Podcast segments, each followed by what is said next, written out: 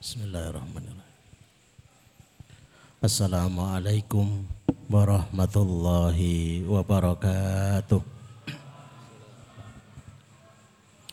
الحمد لله رب العالمين والصلاة والسلام على أشرف الأنبياء والمرسلين وعلى آله وأصحابه ومن تبعهم بإحسان إلى يوم الدين أشهد أن لا إله إلا الله وحده لا شريك له وأشهد أن محمدا عبده ونبيه ورسوله لا نبي ولا رسول بعده. اللهم اسر صدورنا وتزوس عن سيئاتنا وهب لنا فهم الأنبياء والمرسلين وهب لنا فهم السلف الصالح. اللهم انفعنا bima tanah wa alimna ma yanfa'una wa zidna ilman. Wa na'udzu billahi min ahwali ahli nar. Allahumma la sahla illa ma ja'altahu sahla. Wa anta taj'alul hazna idza syi'ta sahla. Rabbi israh li sadri wa yassir li amri wahlul 'uqdatam min lisani yafqahu qawli rabbi zidni ilma Subhanaka la ilma lana illa ma 'allamtana innaka antal alimul hakim. Rabbana atina min ladunka rahmah wa lana min amrina rasada wa ba'd. Ayo ikhwah, saudara-saudaraku yang semoga dirahmati Allah, semoga dicintai oleh Allah Subhanahu wa taala dan semoga diridhoi oleh Allah Subhanahu wa taala. Ahlan wa sahlan, selamat datang di tempat kami. Mudah-mudahan di hati kita ditanamkan kecenderungan dan kecondongan setia berada di jalan kebaikan dan jalan ilmu. Mungkin cerita dari Syekh Burhani ini membuka wacana kita. Syekh Burhani ini dari Suria, beliau pernah bercerita bertemu dengan Hufarul Qabr penggali kubur. Yang membuat tiba-tiba terhenti dari profesinya. Saya suka bercerita tentang ini terkhusus bagi kita yang sedang meniti jalan istiqomah di jalan Allah dan di jalan ilmu. Ketika ia menaruh satu jenazah, jenazah itu ditempatkan di lahat. Tiba-tiba pandangannya berubah bukan lagi area pemakaman yang dilihat, tapi menjadi sebuah taman yang begitu indah. Kemudian kali yang kedua sama, mendapati hal yang sama. Dia bingung mau tanya ke siapa, hingga seorang ibu menziarahi makam itu, kemudian ditanyakan, ibu ini makam siapa? Ini makam anak saya. Kalau yang sebelah sana, itu saudaranya. Apa amalan putra ibu sampai Allah memuliakan sebagaimana ditunjukkan kepada kami apa yang tidak ditunjukkan pada orang lain. Anak saya itu seorang tolibul ilmi, mencari ilmu. Lah itu kakaknya yang biayai. Ternyata pencari ilmu dan yang membiayai bisa jadi membiayai bensinnya, bisa jadi meminjamkan motornya, bisa jadi transportnya dan lain sebagainya. Itu dipahalai sama. Sedemikian terhormatnya para pencari ilmu sehingga menghendaki beliau itu pensiun dini dari penggali kubur. Masuk ke masjid daftar untuk belajar. Padahal yang dipelajari masih ilmu nahu, Coba pikiran kita itu loh, ilmu ilmu nahwu kesuwen itu loh. Kita itu kalau belajar pengennya langsung tafsir. Kalau perlu langsung kepada sirah nabawiyah yang tebel gitu ya. Kayaknya kok nggak nyambung banget ya ilmu nahwu dengan urusan akhirat seketika itu. Tapi memang begitulah kadang-kadang. Al amru bisai amrun biwasa ilihi Perintahnya kita ini memahami Quran. Maka segala sesuatu yang mengarah menjadi wasilah kepada fahamnya Quran maka itu termasuk perintah dari Allah Azza wa Jalla. Padahal usianya sudah 60 tahun. Itu masih belajar nahwu, belajar sorof, dan akhirnya menjadi ulama. Allah Akbar. Dasarnya para pemburu ilmu, sehingga layak mendapat doa malaikat, layak mendapat doa mereka yang menyangga ars, layak untuk didoakan mereka yang di dasar lautan, bahkan yang di bawah tanah ikut mendoakan mereka-mereka yang berburu terhadap ilmu. Maka berbahagialah dan berbanggalah agar kita tidak mudah menyerah. Allah sebut siapakah orang yang tidak pernah menyerah itu. Wa ka'aymin nabiyyin qatala ma'ahu. Berapa banyak generasi Rabbani yang berjuang bersama para nabi, mereka itu punya tiga karakter. Fama wahanu lima asobahum fi sabilillah.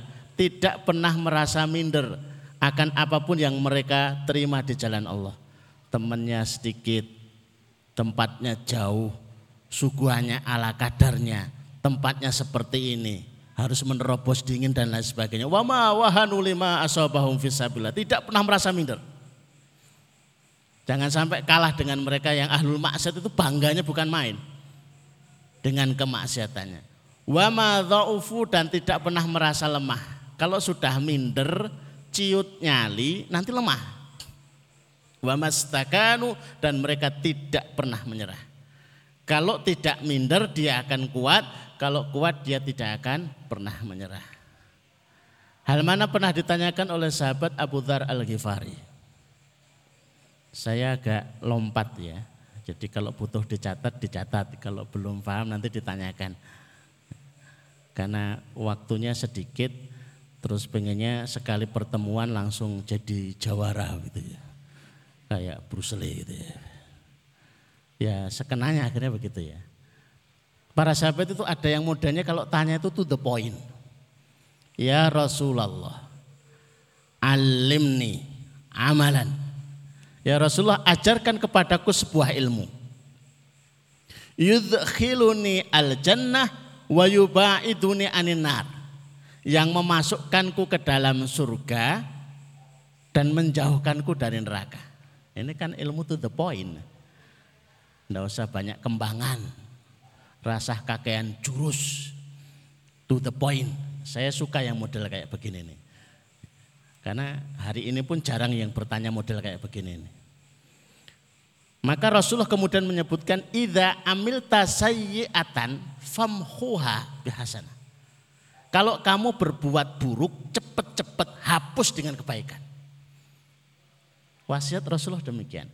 Karena kita ini tidak terlepas dari kemaksiatan di mana-mana, maka solusinya kapan pun terjebak, terjerat, katiwasan. Dalam kemaksiatan, cepat-cepat kita itu menghapus dengan kebaikan. Kemudian Abu Dhar bertanya, Aminal hasanati la ilaha illallah Muhammadur Rasulullah. Ya Rasulullah, apakah termasuk hasanat yang dengan hasanat itu akan menghapuskan kesalahan-kesalahan? Kalimat la ilaha illallah Muhammadur Rasulullah. Bal afdoluha. Bahkan kalimat itu yang paling utama. Lah, dalam hikayat ada seorang fulan yang cerdas. Begitu tahu kalimat ini istimewa, dia ambil tujuh batu. Waktu itu ia berada di Arafah. Tempat wukufnya mereka yang haji. Ketika sudah sampai di Arafah, tujuh batu itu didekatkan dalam genggaman fashhaduni. Hendaklah kalian menyaksikan bahwa aku mengucapkan la ilaha illallah Muhammadur Rasulullah. Tujuh batu itu dijadikan saksi. Beberapa waktu kemudian ia tertidur. Mendapat mimpi, dalam mimpinya itu kiamat tiba. Ya kalau kita ya teratap gitu ya. Ketakutan luar biasa. Dan dia langsung digiring untuk dihisap. Wawajabat lahunar dan termasuk yang dimasukkan dalam neraka. Begitu dikiring malaikat untuk dilemparkan ke pintu neraka. Tiba-tiba satu batu yang dibuat bersaksi itu sudah menghalangi malaikat. Diangkat malaikat nggak kuat. Berbagai cara ngangkat batu itu nggak kuat. Akhirnya dikiring ke pintu neraka yang kedua, sama. Dikiring ke pintu neraka yang ketiga, sama. Sampai tujuh pintu neraka semua didatangi dan batu tujuh itu menghalangi dan tidak bisa dikuat, tidak bisa diangkat oleh para malaikat adab. Akhirnya dibawa kepada Allah, ya Allah ini sudah urusanmu. Kamu sudah angkat tangan, model-model kayak gini sudah angkat tangan. Maka oleh Allah dikatakan masukkan dia ke dalam surga. Begitu sampai di pintu surga, pintunya tertutup. Wah, ini kebalikan. Dan tujuh batu itu datang lagi dan memaksa membuka pintu surga Allah dan akhirnya dia dimasukkan ke dalam surga. Dan Allah berfirman kepada neraka, batu ini itu sudah memberikan haknya kalau dijadikan saksi. Itu makhluk, apalagi aku sebagai Allah Azza wa Jalla. Maka ayo al ikhwah jangan remehkan sebuah majelis ilmu. Andai kata yang kita dapatkan cuma ini pulang itu sudah luar biasa. Hari ini kita itu ndredeg tenan loh ya. Berapa banyak yang tiba-tiba itu sehat walafiat tiba-tiba sudah saya termasuk melihat media itu rotok jengkel setengah deg-degan. Sopo meneh jinggono, sopo meneh gitu ya. Kalau kalimatnya innalillahi wa alamat, alamat itu. Ada yang kalanya itu teman akrab, ada kalanya itu adalah ustadz kita, ada kalanya teman kerja yang sangat sangat kita tidak mendukanya. Diambil dengan begitu saja. Kemudian kita mempersiapkan itu nyaris putus asa. Ditegar-tegarkan kalau sudah zaman fitnah kayak gini ya nggak tegar gitu loh. Ayo mau pakai apa? Ya ngaji, ngaji aja belum tentu. Maka kalau ada satu ayat, satu hadis pegangi banyak ayatnya. Dan 6666. Harus ada yang kita pegangi. Harus ada hadis yang kita pegangi. Bahwa ada kalanya di saat kita memegangi satu ayat, memegangi satu hadis itu berbeda dengan sahabat kita. Tidak masalah, yang penting ada tempat kita berpijak. Orang ngawur gitu loh. Kamu melakukan ini tuh ono dasarnya pura. Embuh pokoknya melu-melu. Tidak bisa sebetulnya. Saya tidak tahu dalilnya, sekarang bisa dibaca di mana-mana. Karena perbedaan itu sebuah keniscayaan. Tapi yang tidak boleh tidak, itu harus berpijak kepada sebuah ayat ataupun sebuah hadis Rasulullah SAW. Taraktu fikum amroini ma intamasaktum bihima lan tadhillu abada. Aku tinggalkan dua hal. Kalau dipegang kuat, maka tidak akan pernah tersesat selama-lamanya. Yaitu kitabullah dan sunnah Rasulullah. Nah ternyata kok beda dari ustadz satu, ustadz dua, ustadz tiga kok beda semua. Tidak masalah. Dari dulu sampai sekarang perbedaan itu selalu ada, nggak bisa akan disatukan itu. Tapi kalau misinya sama nggak masalah, misi besarnya ya. Kalau misi fikihnya, misi ini ya, perbedaan itu biasa. Yang kita lakukan harus yang paling benar menurut kita, tapi bukan berarti yang berbeda dengan kita itu salah. Tapi yang kita pegangi yang menurut kita paling benar. Menurut saya yang paling benar ini. Menurut saya enggak, ya enggak masalah. Yang penting kamu megangi yang paling benar menurutmu itu. Ya tapi yang lain bukan berarti salah. Jadi yang nomor satu pastikan bahwa yang kita lakukan dalam hidup ini kecil dan besarnya itu berpijak kepada kitabullah dan berpijak kepada sunnah Rasulullah agar kita punya pegangan. Tidak terguncang. Harus ada pegangan. Kalau dahulu Al-Imam Syafi'i rahimahullah ta'ala, Imam Ahmad itu juga melakukan, mereka itu suka punya catatan kecil yang termaktub di dalamnya amalan-amalan yang sudah bisa dilakukan dan diistiqomahkan. Kalau belum bisa diistiqomahkan, belum ditulis. tahajud belum istiqomah ya rawani nulis. Baca surat Al-Mulk sebelum tidur belum diistiqomahkan ya rawani nulis walaupun sejelas apa pun dalilnya. Ini agar kita itu tahu berapa ayat yang sudah kita amalkan, berapa hadis yang sudah kita amalkan. Maka yang ditulis Imam Ahmad itu yang dihafal dan yang diamalkan. Dibuatlah satu kitab namanya Al-Musnad, tempat sandaran. Dan itu isinya satu juta hadis. Tidak usah dibayangkan. Saya membayangkan yo angel. Itu pilih ngapal itu. Imam Ahmad itu punya jamaah pengajian itu 5000 tanpa speaker dan semuanya mendengar. Susah kan dipraktekkan. Mungkin kita itu 100 orang aja susah kok tanpa speaker. Ini kok 5000 orang bisa mendengar tanpa speaker. Ditanya, bagaimana itu bisa? Walaupun beliau duduk di tempat yang tinggi, tapi namanya lima ribu ini ya susah. Masing-masing orang itu menjaga diri untuk tidak bergerak. Walaupun gerakan kecil yang menimbulkan suara. Dengan itu suaranya Imam Ahmad terganggu. Wina iso mau watu eh ditahan. Ngentut ya ditahan. Nah, ya ditahan. Khawatir gak terdengar sama yang lain. Itu yang pertama. Yang kedua yang membuat kita itu tegar. Saya tidak membahas fitnahnya ya. Saya membahas solusinya. Kenapa enggak urut Ustaz? Ya kalau mau siap agak nanti malam ya enggak apa-apa gitu loh. Mungkin dowo masalah gitu ya. Nanti biar Ustaz-Ustaz ini menambahkan fitnah itu kesyirikan, fitnah itu subhat, fitnah itu adalah kemunafikan, fitnah itu macam-macam. Yang berbeda dengan syarat itu fitnah semua gitu loh. Tapi kalau kita masuk ke situ dan contoh-contohnya, nanti justru solusi yang sesungguhnya kita nggak ketemu. Kami itu pernah diminta satu pertemuan di satu masjid 12 kali pertemuan, bahasnya tentang riba. Saya nggak bahas tentang apa itu riba dan contoh-contohnya, serta ancaman terkait dengan riba. Saya bahas solusi keluar dari riba. Begitu sampai pertemuan yang ke-8, itu banyak yang protes Ustaz ini solusi terus, solusi terus. Kenapa enggak dijelaskan tentang ribanya? Kenapa tidak dijelaskan tentang contohnya? Kenapa tidak dijelaskan dengan dalilnya? Memang sudah siap. Oh, siap Ustaz. Oke. Besoknya saya masuk, saya jelaskan. Ini, ini, ini. Terus solusinya apa? Keluar. Uh, jangan gitu Ustaz. Lalu jual. Uh, nah solusinya memang begitu. Kok medeni? Enggak medeni. Tapi kalau kita sudah siapkan solusinya ya biasa aja gitu. Memang punyanya itu dijual ya sudah. Tapi kita nggak bahas ini. Yang kedua yang membuat kita tegar dalam suasana fitnah apa pun. Dan fitnah kita tidak sebesar fitnah umat sebelum kita.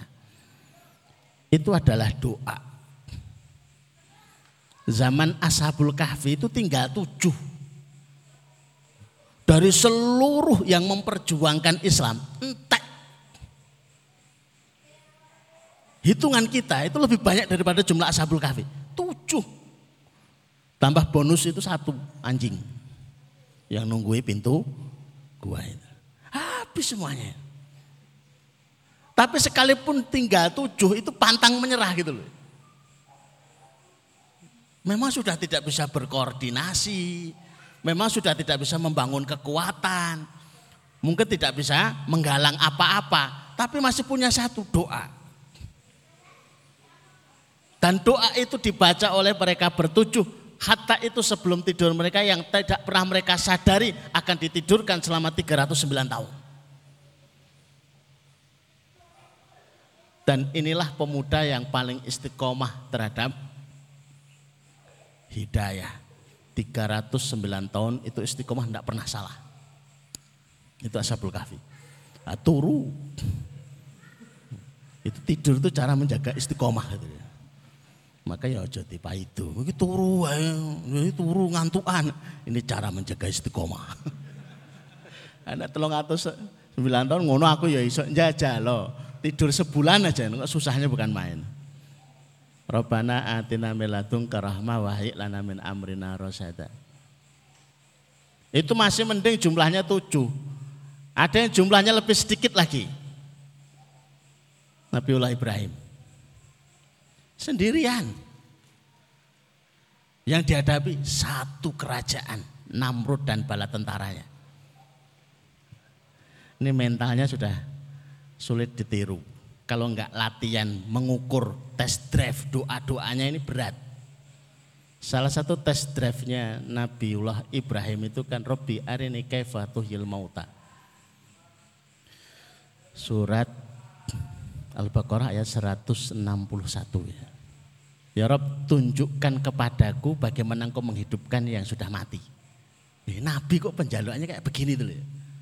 Kenapa? Test drive biar tahu betul itu loh. Kalau kita nggak bisa menguji doa kita, bagaimana kita yakin perjuangan kita akan ditolong oleh Allah? Yo nek terkabul, nek ora. Kita ikut-ikutan Nabi Ibrahim, rumangsane dongane wis mustajab. Itu enggak takut dibakar. Dibakar tenan akhirnya kobong. Loh, kok gak podo? Iki salah riwayat iki ya. Akhirnya dibuat pembakaran kayu itu ditumpuk sampai setinggi gunung saking banyaknya orang satu kerajaan dan dinyalakan api. Nabi Ibrahim itu dilemparkan dengan ketapel sampai di tengah-tengah. Yang dibaca apa? Hasbi Allahu wa ni'mal wakil, ni'mal maula wa ni'man nasir. Itu kalimat bukan tidak seringan yang diucapkan tapi itu sebuah uh, kalimat password yang luar biasa. Kalau kita menghadapi tantangan berat ya passwordnya begitu. Ada password-password yang kadang dibaca, itu kalau pas itu terbuka. Namanya Facebook itu kalau passwordnya salah sekalipun bagus itu nggak terbuka. Alhamdulillah nggak terbuka. Alhamdulillah nggak terbuka. Alhamdulillah nggak terbuka. Ini kalimat baik sebaik apa pun kalau tidak password nggak akan terbuka. Ternyata passwordnya Bismillah. Uh. Kita kehilangan orang yang kita cintai atau kena musibah. Ucapkan astagfirullah, menyembuhkan? Enggak. Piring pecah, astagfirullah. Ya tetap sakit. Anaknya tiba, astagfirullah. Ya tidak akan, anu, motor hilang, astagfirullah. Enggak akan mengembalikan. Karena passwordnya bukan itu. Passwordnya alladzina idza asobathum musibah qalu innalillahi wa inna ilaihi. Passwordnya innalillah. Maka kalau salah menggunakan password itu masalah motor ram balik motor, istri nggak balik istri. Yang kadang kan kehilangan istri ada kan. Anak nggak balik anak, kenapa? Karena passwordnya salah. Itu pun ada tambahannya. Kalau di dalam tafsirnya, kalau diuji dengan musibah, itu mengucapkan alhamdulillah dan innalillahi wa inna ilaihi rajiun. Ada dua itu disambung. Alhamdulillah innalillahi wa inna ilaihi rajiun. Itu di saat ujian pertama menghentak di dalam dada, itu berat kita itu untuk sadar itu ya. Tapi itu bisa dinetralisir, bisa ditenangkan dengan alhamdulillah innalillahi wa inna ilaihi rajiun. Tapi kalau enggak pas suasananya, dianggap kita ini durhaka kepada orang tua. Kalau itu yang meninggal orang tua, itu wong tuane mati malah alhamdulillah. Padahal memang tuntunannya begitu. Anaknya mati malah alhamdulillah. Tuntunannya begitu. Ulang-ulang. Innalillah, innalillah, innalillah. Hatta itu 100 kali, 200 kali. Ternyata belum menenangkan. Ya tambahkan lagi dosisnya. Karena passwordnya yaitu. Passwordnya begitu. Sehingga tidak terjebak kepada meratap. Merobek-robek kain.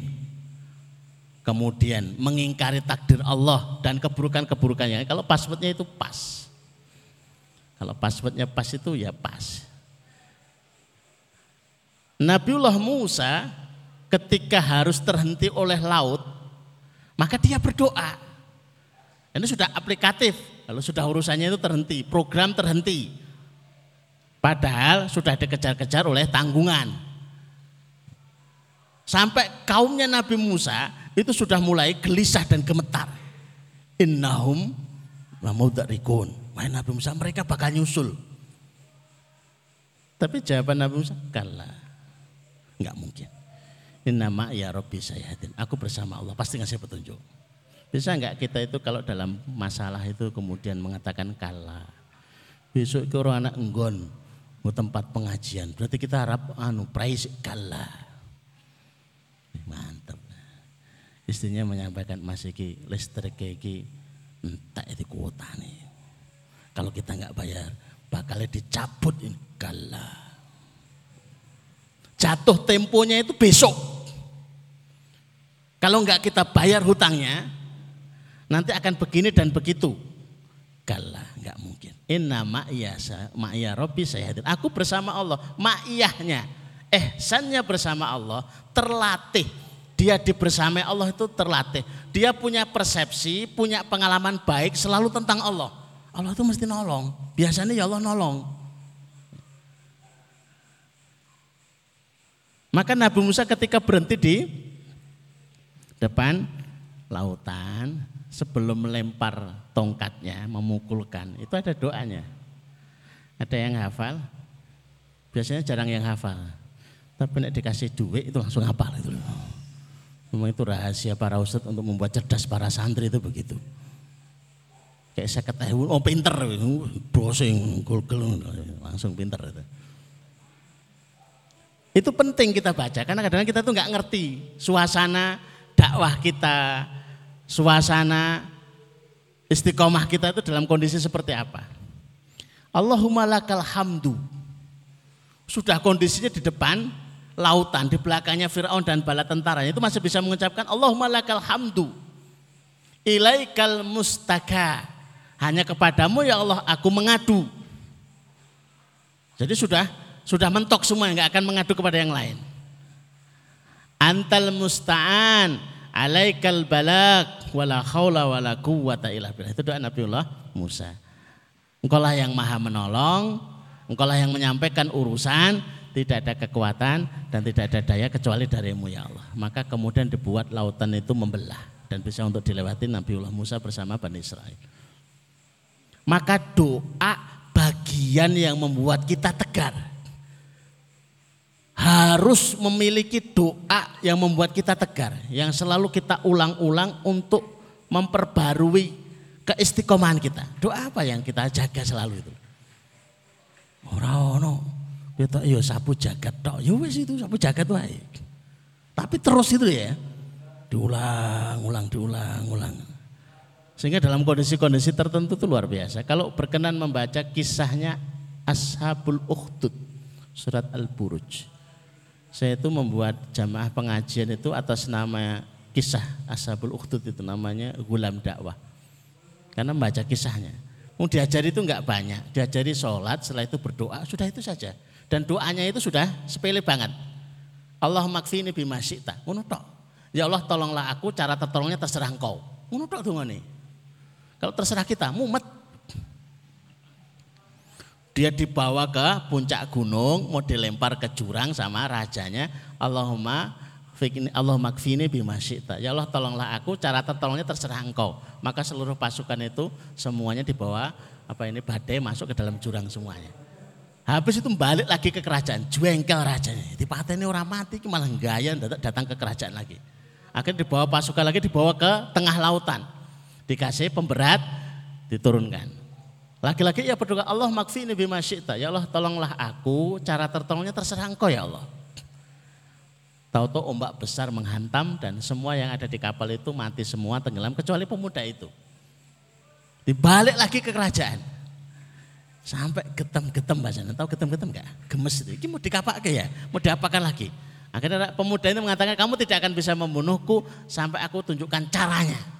Kumpulkan semua rakyat, Kemudian panahlah di sebelah pelipis kiri dan ucapkan Bismillahirrahmanirrahim. Bismillahirrahmanirrahim itu syahadat hari itu. Jadi rajanya dijebak untuk mengucapkan syahadat sehingga diikuti oleh semua rakyat, semuanya masuk Islam semuanya. Kemenangannya ada di situ. Walaupun akhirnya harus kehilangan nyawa, tapi semua yang ada dari rakyat itu masuk Islam. Akhirnya dibuatkan parit, ditaruh kayu bakar, kemudian dibakar. Itulah namanya namanya ukhdud. Jadi istilah udut itu dari ukhdud itu. Ya nyerempet-nyerempet sidik lah. Waktu kisahnya heroik banget itu ya. Kita suka bercerita yang sudah ada dalam Quran heroiknya itu daripada kisah-kisah yang yang secara kisah itu belum muktabar atau makthur. Atau kita membaca doanya Nabiullah Yunus. Kalau hutang melilit, jumlahnya 100 juta. Berapa ribu kali kita membaca kemudian dilunaskan oleh Allah? Kan belum ada formulanya. Oh iya. Coba itu ditemukan. Saya itu membaca sehari seribu kali. Kemudian selama 40 hari Allah lunaskan hutang kami. Itu kan bisa direkomendasikan.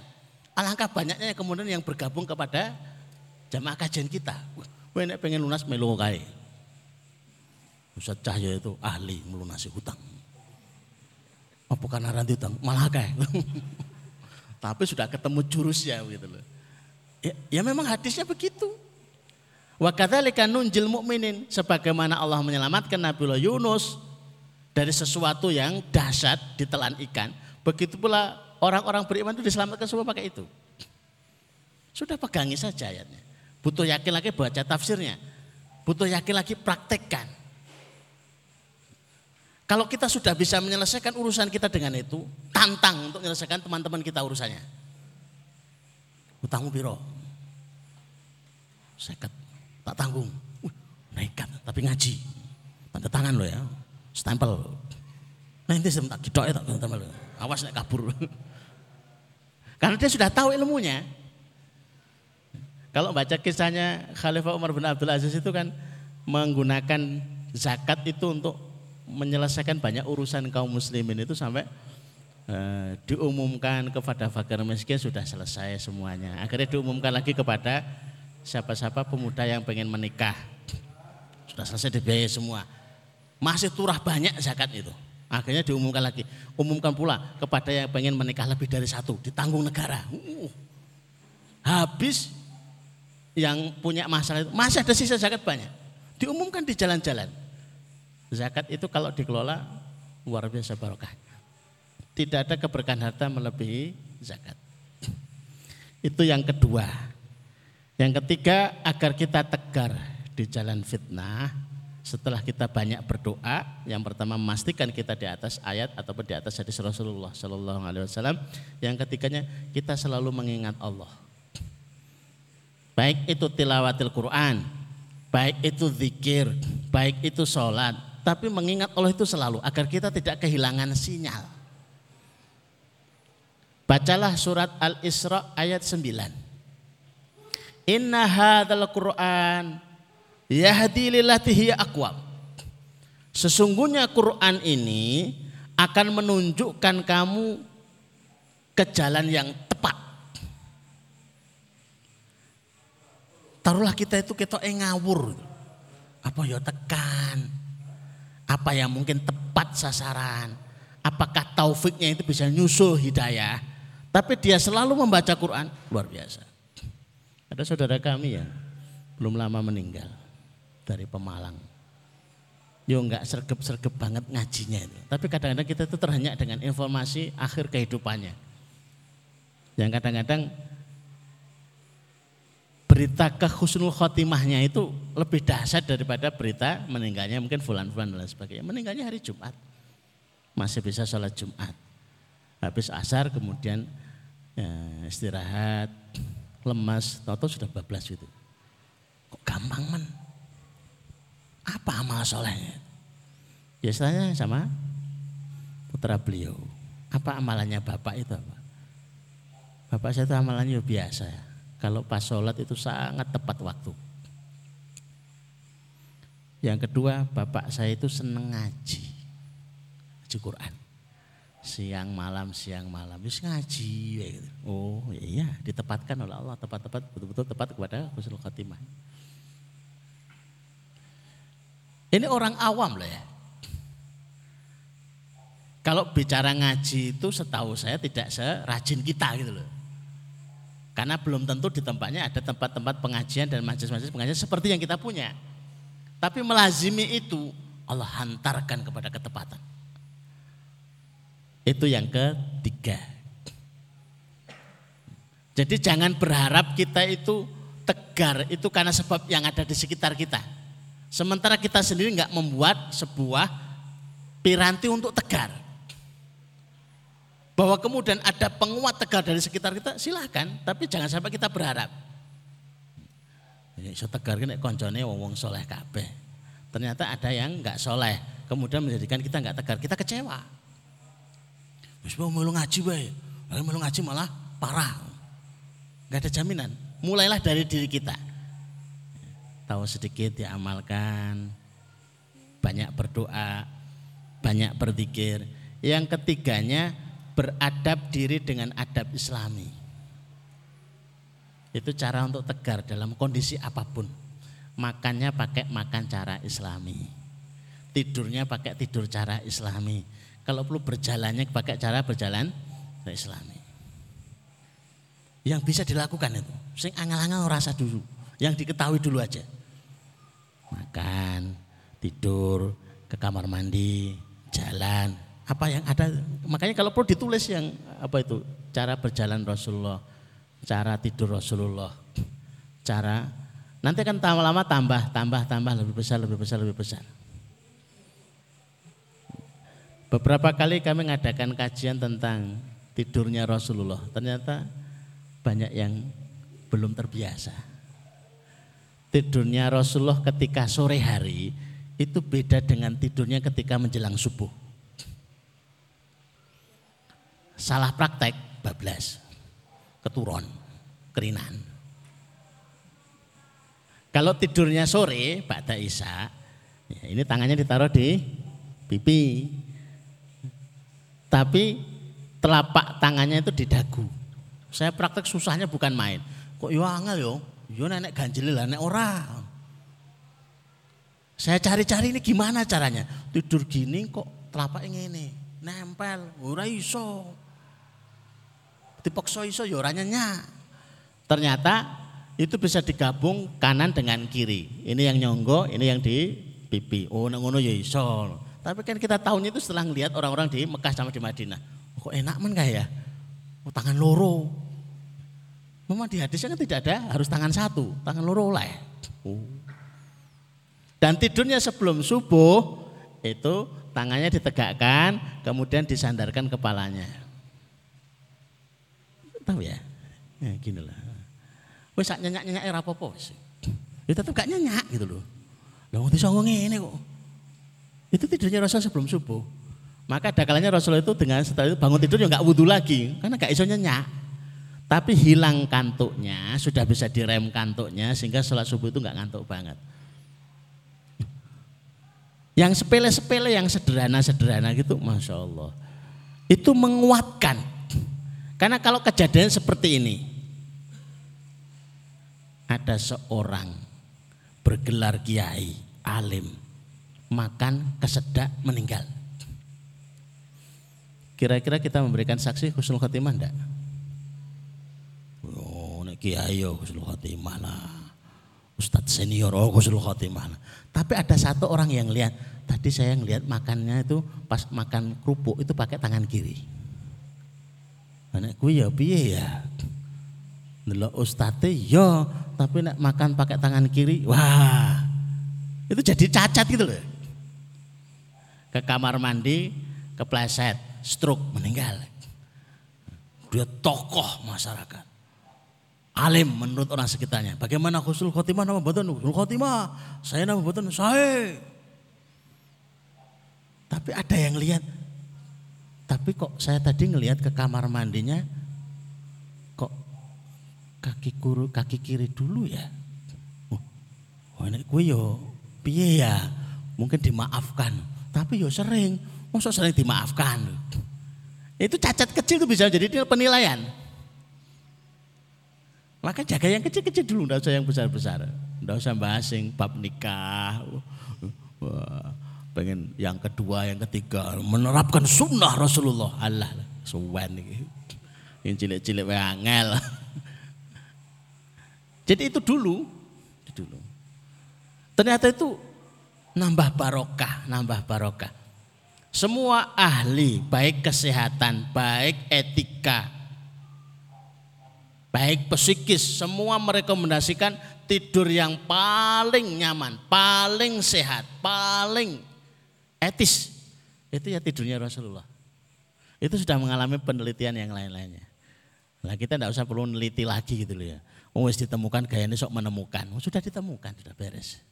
Jadi beradab diri dengan adab Islam. Bedanya adab dengan akhlak, adab itu untuk diri sendiri. Kalau akhlak untuk diri dan orang lain. Tapi kalau disebut salah satu itu maknanya dua.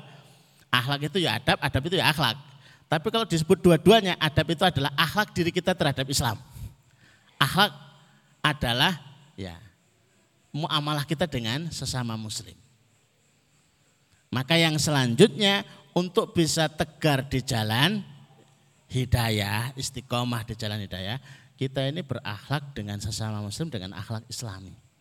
Jangan remehkan salam kita. cerita Imam Abu Dawud. itu sampai disebut orang hebat ahli hadis itu berangkat dari sebuah kisah sederhana naik perahu ketika sedang di atas perahu tiba-tiba ada yang bersin di pinggir bersin di pinggir sungai. Dan dia dengar alhamdulillah. Dia minta sama nakodanya tolong minggir. Lah kenapa? Tolonglah minggir dulu sebentar. Minggir ke sana. Kenapa? Saya mau menjawab doa bersihnya dia. Alhamdulillah. Ya rahmukallah, yahdikumullah. Yuk kita lanjut lagi. Ngono tok. Coba kalau kita praktekkan naik motor biantar, wes ninja saya. Wes alhamdulillah, sit. Ya rahmukallah. Ya sudah aku balik lagi. Orang kena ya. Tapi bagaimana kita mengagungkan sunnah Rasulullah ini loh ya. Kalau tidak diagungkan, maka bagaimana kita akan dianggap mencintai Allah kalau kita tidak ada pengagungan? Sunnahnya itu biasa.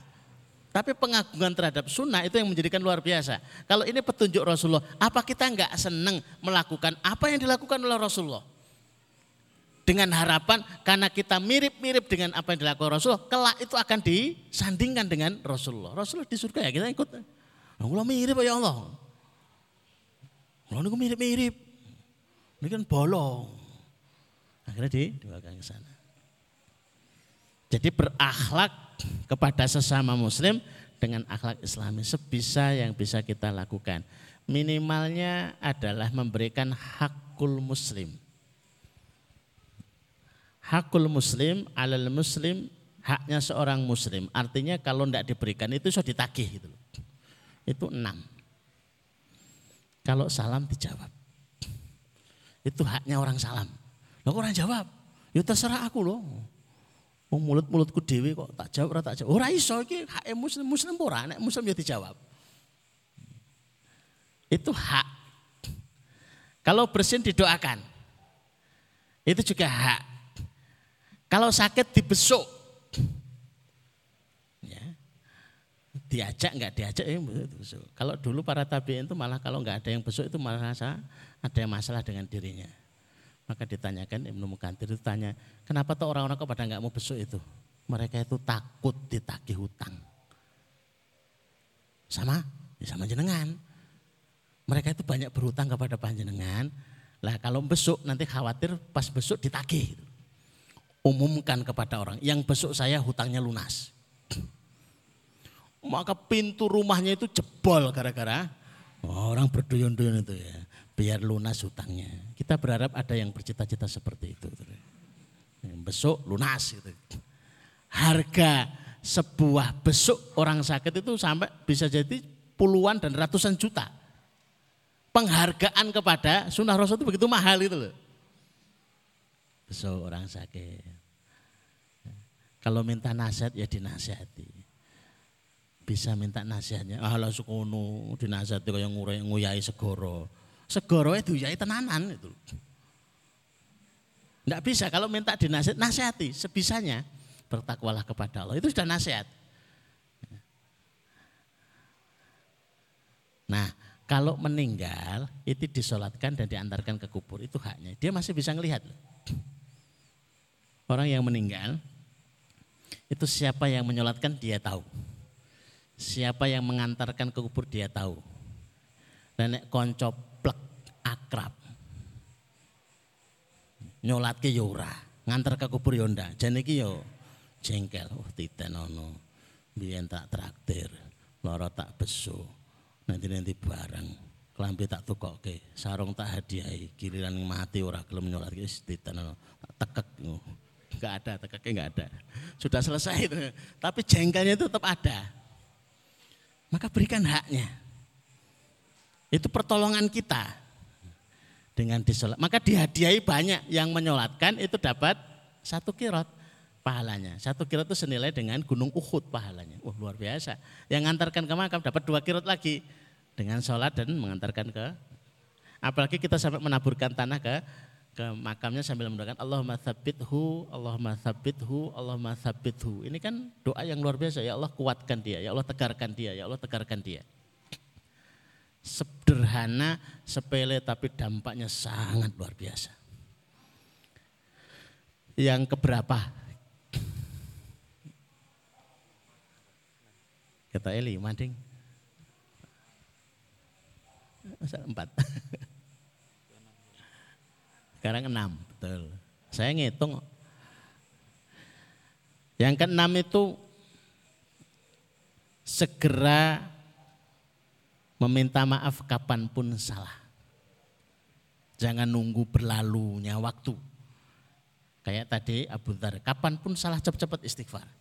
Cepat-cepat diganti dengan sotako, cepat-cepat diganti dengan sholat, cepat-cepat diganti dengan ibadah yang lain. Agar itu tidak menumpuk sekian waktu. Jangan menunggu uh, berkarat.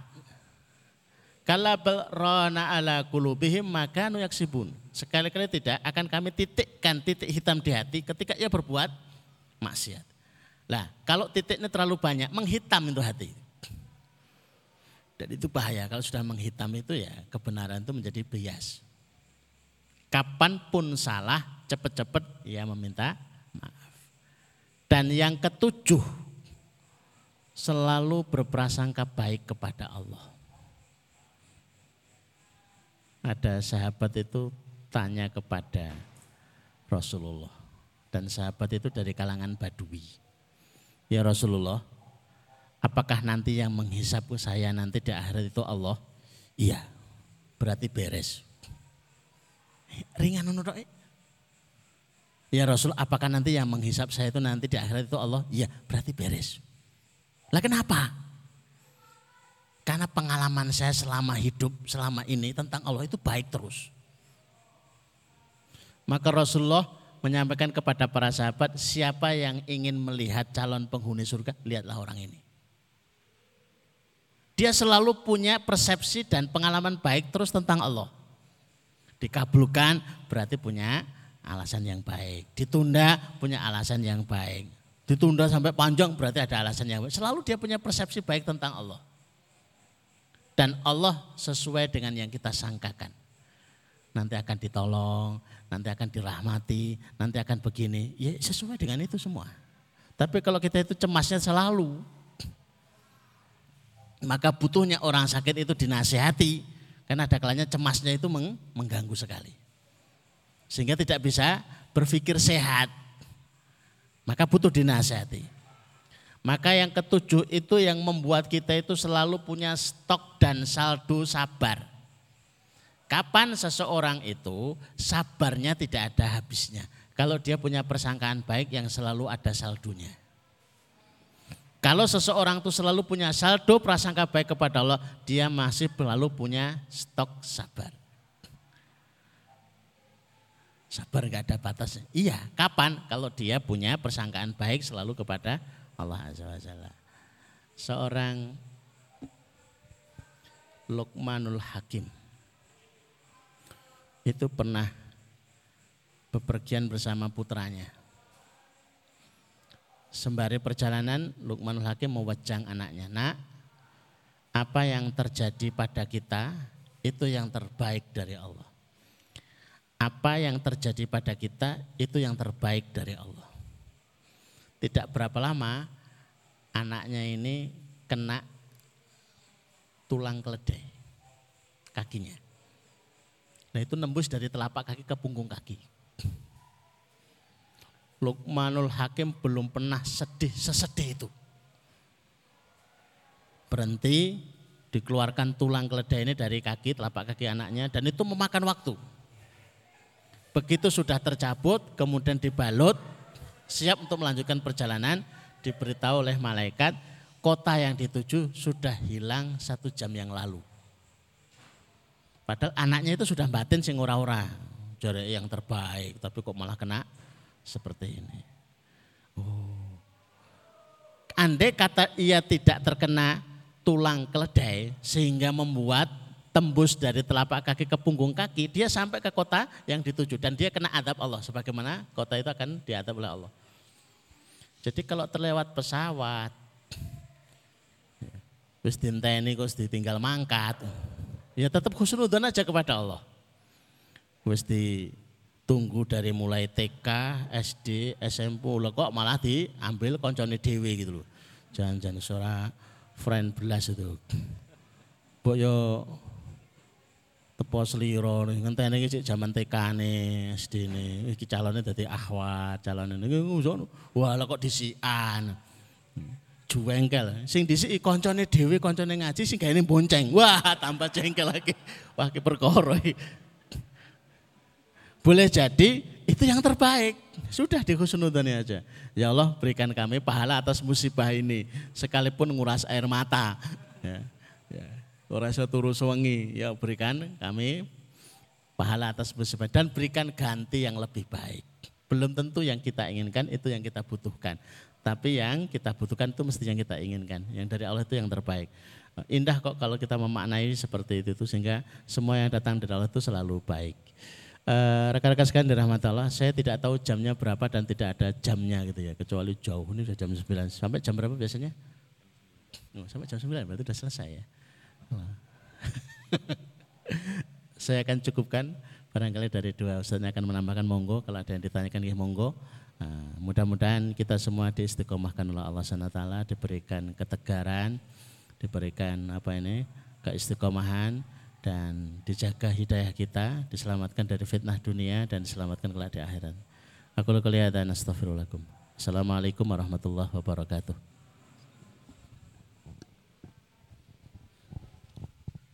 Jazakallah Ustaz Umar Fakidin yang telah memberikan kita tausiah. Ini mungkin juga salah satu kewajiban beliau itu. Kita minta nasihat, beliau nasihati kita di malam hari ini. Dan luar biasa, mungkin juga di luar dugaan, Eh, resep atau solusi tetap tegar di zaman fitnah itu mungkin kalau kita bayangkan mungkin akan yang halal yang gede gitu ya. Ternyata oleh Ustadz disampaikan bahwa cukuplah kita menjaga yang kecil ya. Kecil-kecil dulu, adab tidur misalnya tadi ya. Ada yang saya praktek adab tidur dengan dua tangan tadi, ini juga saya baru tahu di, di forum ini ya. Nanti dipraktekan ya. Nah, mungkin ya, orang, orang rumah atau istri mungkin akan kaget, Mas toro rumah kok orang kok biasanya itu, ya. biasanya langsung jebabah itu. Ini mungkin pakai cara yang yang apa dengan dua tangan bertumbuh pada pipi dan pelipis dagu tadi ya. Besok lagi diulang lagi, Mas kok anu praktek mbak, ini praktek istiqomah biar istiqomah dan amal itu. Ya. Turah turu terus akhirnya. Lah ngamal kok dek itu. Turah turu ya ini. Ya, jadi jaga dengan yang kecil, ya tidak ada yang kita sepelekan seluruh amal soleh itu semuanya ada manfaatnya. Ya, jadi e, baca Al-Quran, ya sudah ditentukan dari beberapa tips tadi atau beberapa solusi tadi. Mungkin masing-masing sudah mulai apa namanya menetapkan ya. Saya tak memulai dengan adab tidur misalnya gitu ya. Atau saya tak mulai dengan baca Al-Quran, mesti hanya satu ayat gitu ya. Silahkan ya, Artinya ini memang untuk menjaga keistiqomahan itu yang sulit. Ya, istiqomah itu sulit. Ya. Tidak akan banyak saya tambahkan atau saya simpulkan semuanya sudah mendengar, semuanya sudah menyimak, bahkan sudah mencatat. Ya, kalau kurang nanti bisa minta pada bagian dokumentasi, Mas full videonya mana Mas? Gitu ya. Diulang lagi gitu ya, di murojaah ya. Eh, Mas Indra mau menambahkan? Cukup? ya. Jadi untuk sesi kali ini ya saya buka kesempatan bagi teman-teman sahabat yang ingin bertanya kepada Ustadz khususnya terkait dengan tema kali ini. Ini kesempatan Mas ya, mumpung ketemu dengan Ustadz Umar ya. Monggo silahkan, ada yang ingin bertanya? Krik krik krik krik. Ada? Bunyi hujan di atas genteng. Tidak ada? Atau mau japri saja nanti? Silahkan ya. Japri, tapi tidak jamin dijawab langsung gitu ya. Kalau di forum ini jawab langsung itu kesempatan luar biasa ini ya. Baik, uh, ini ada sedikit informasi. Oh ya, serah terima.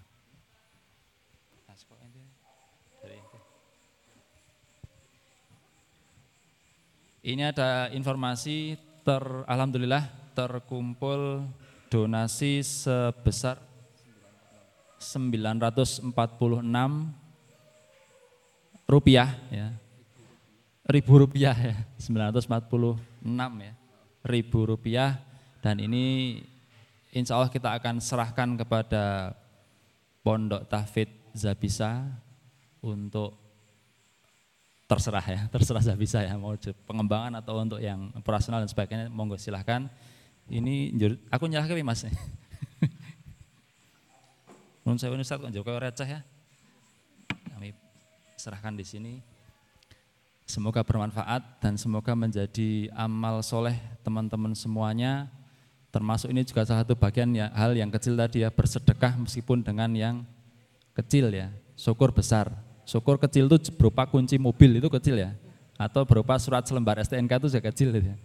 Nah, itu kecil. Silahkan di istiqomai.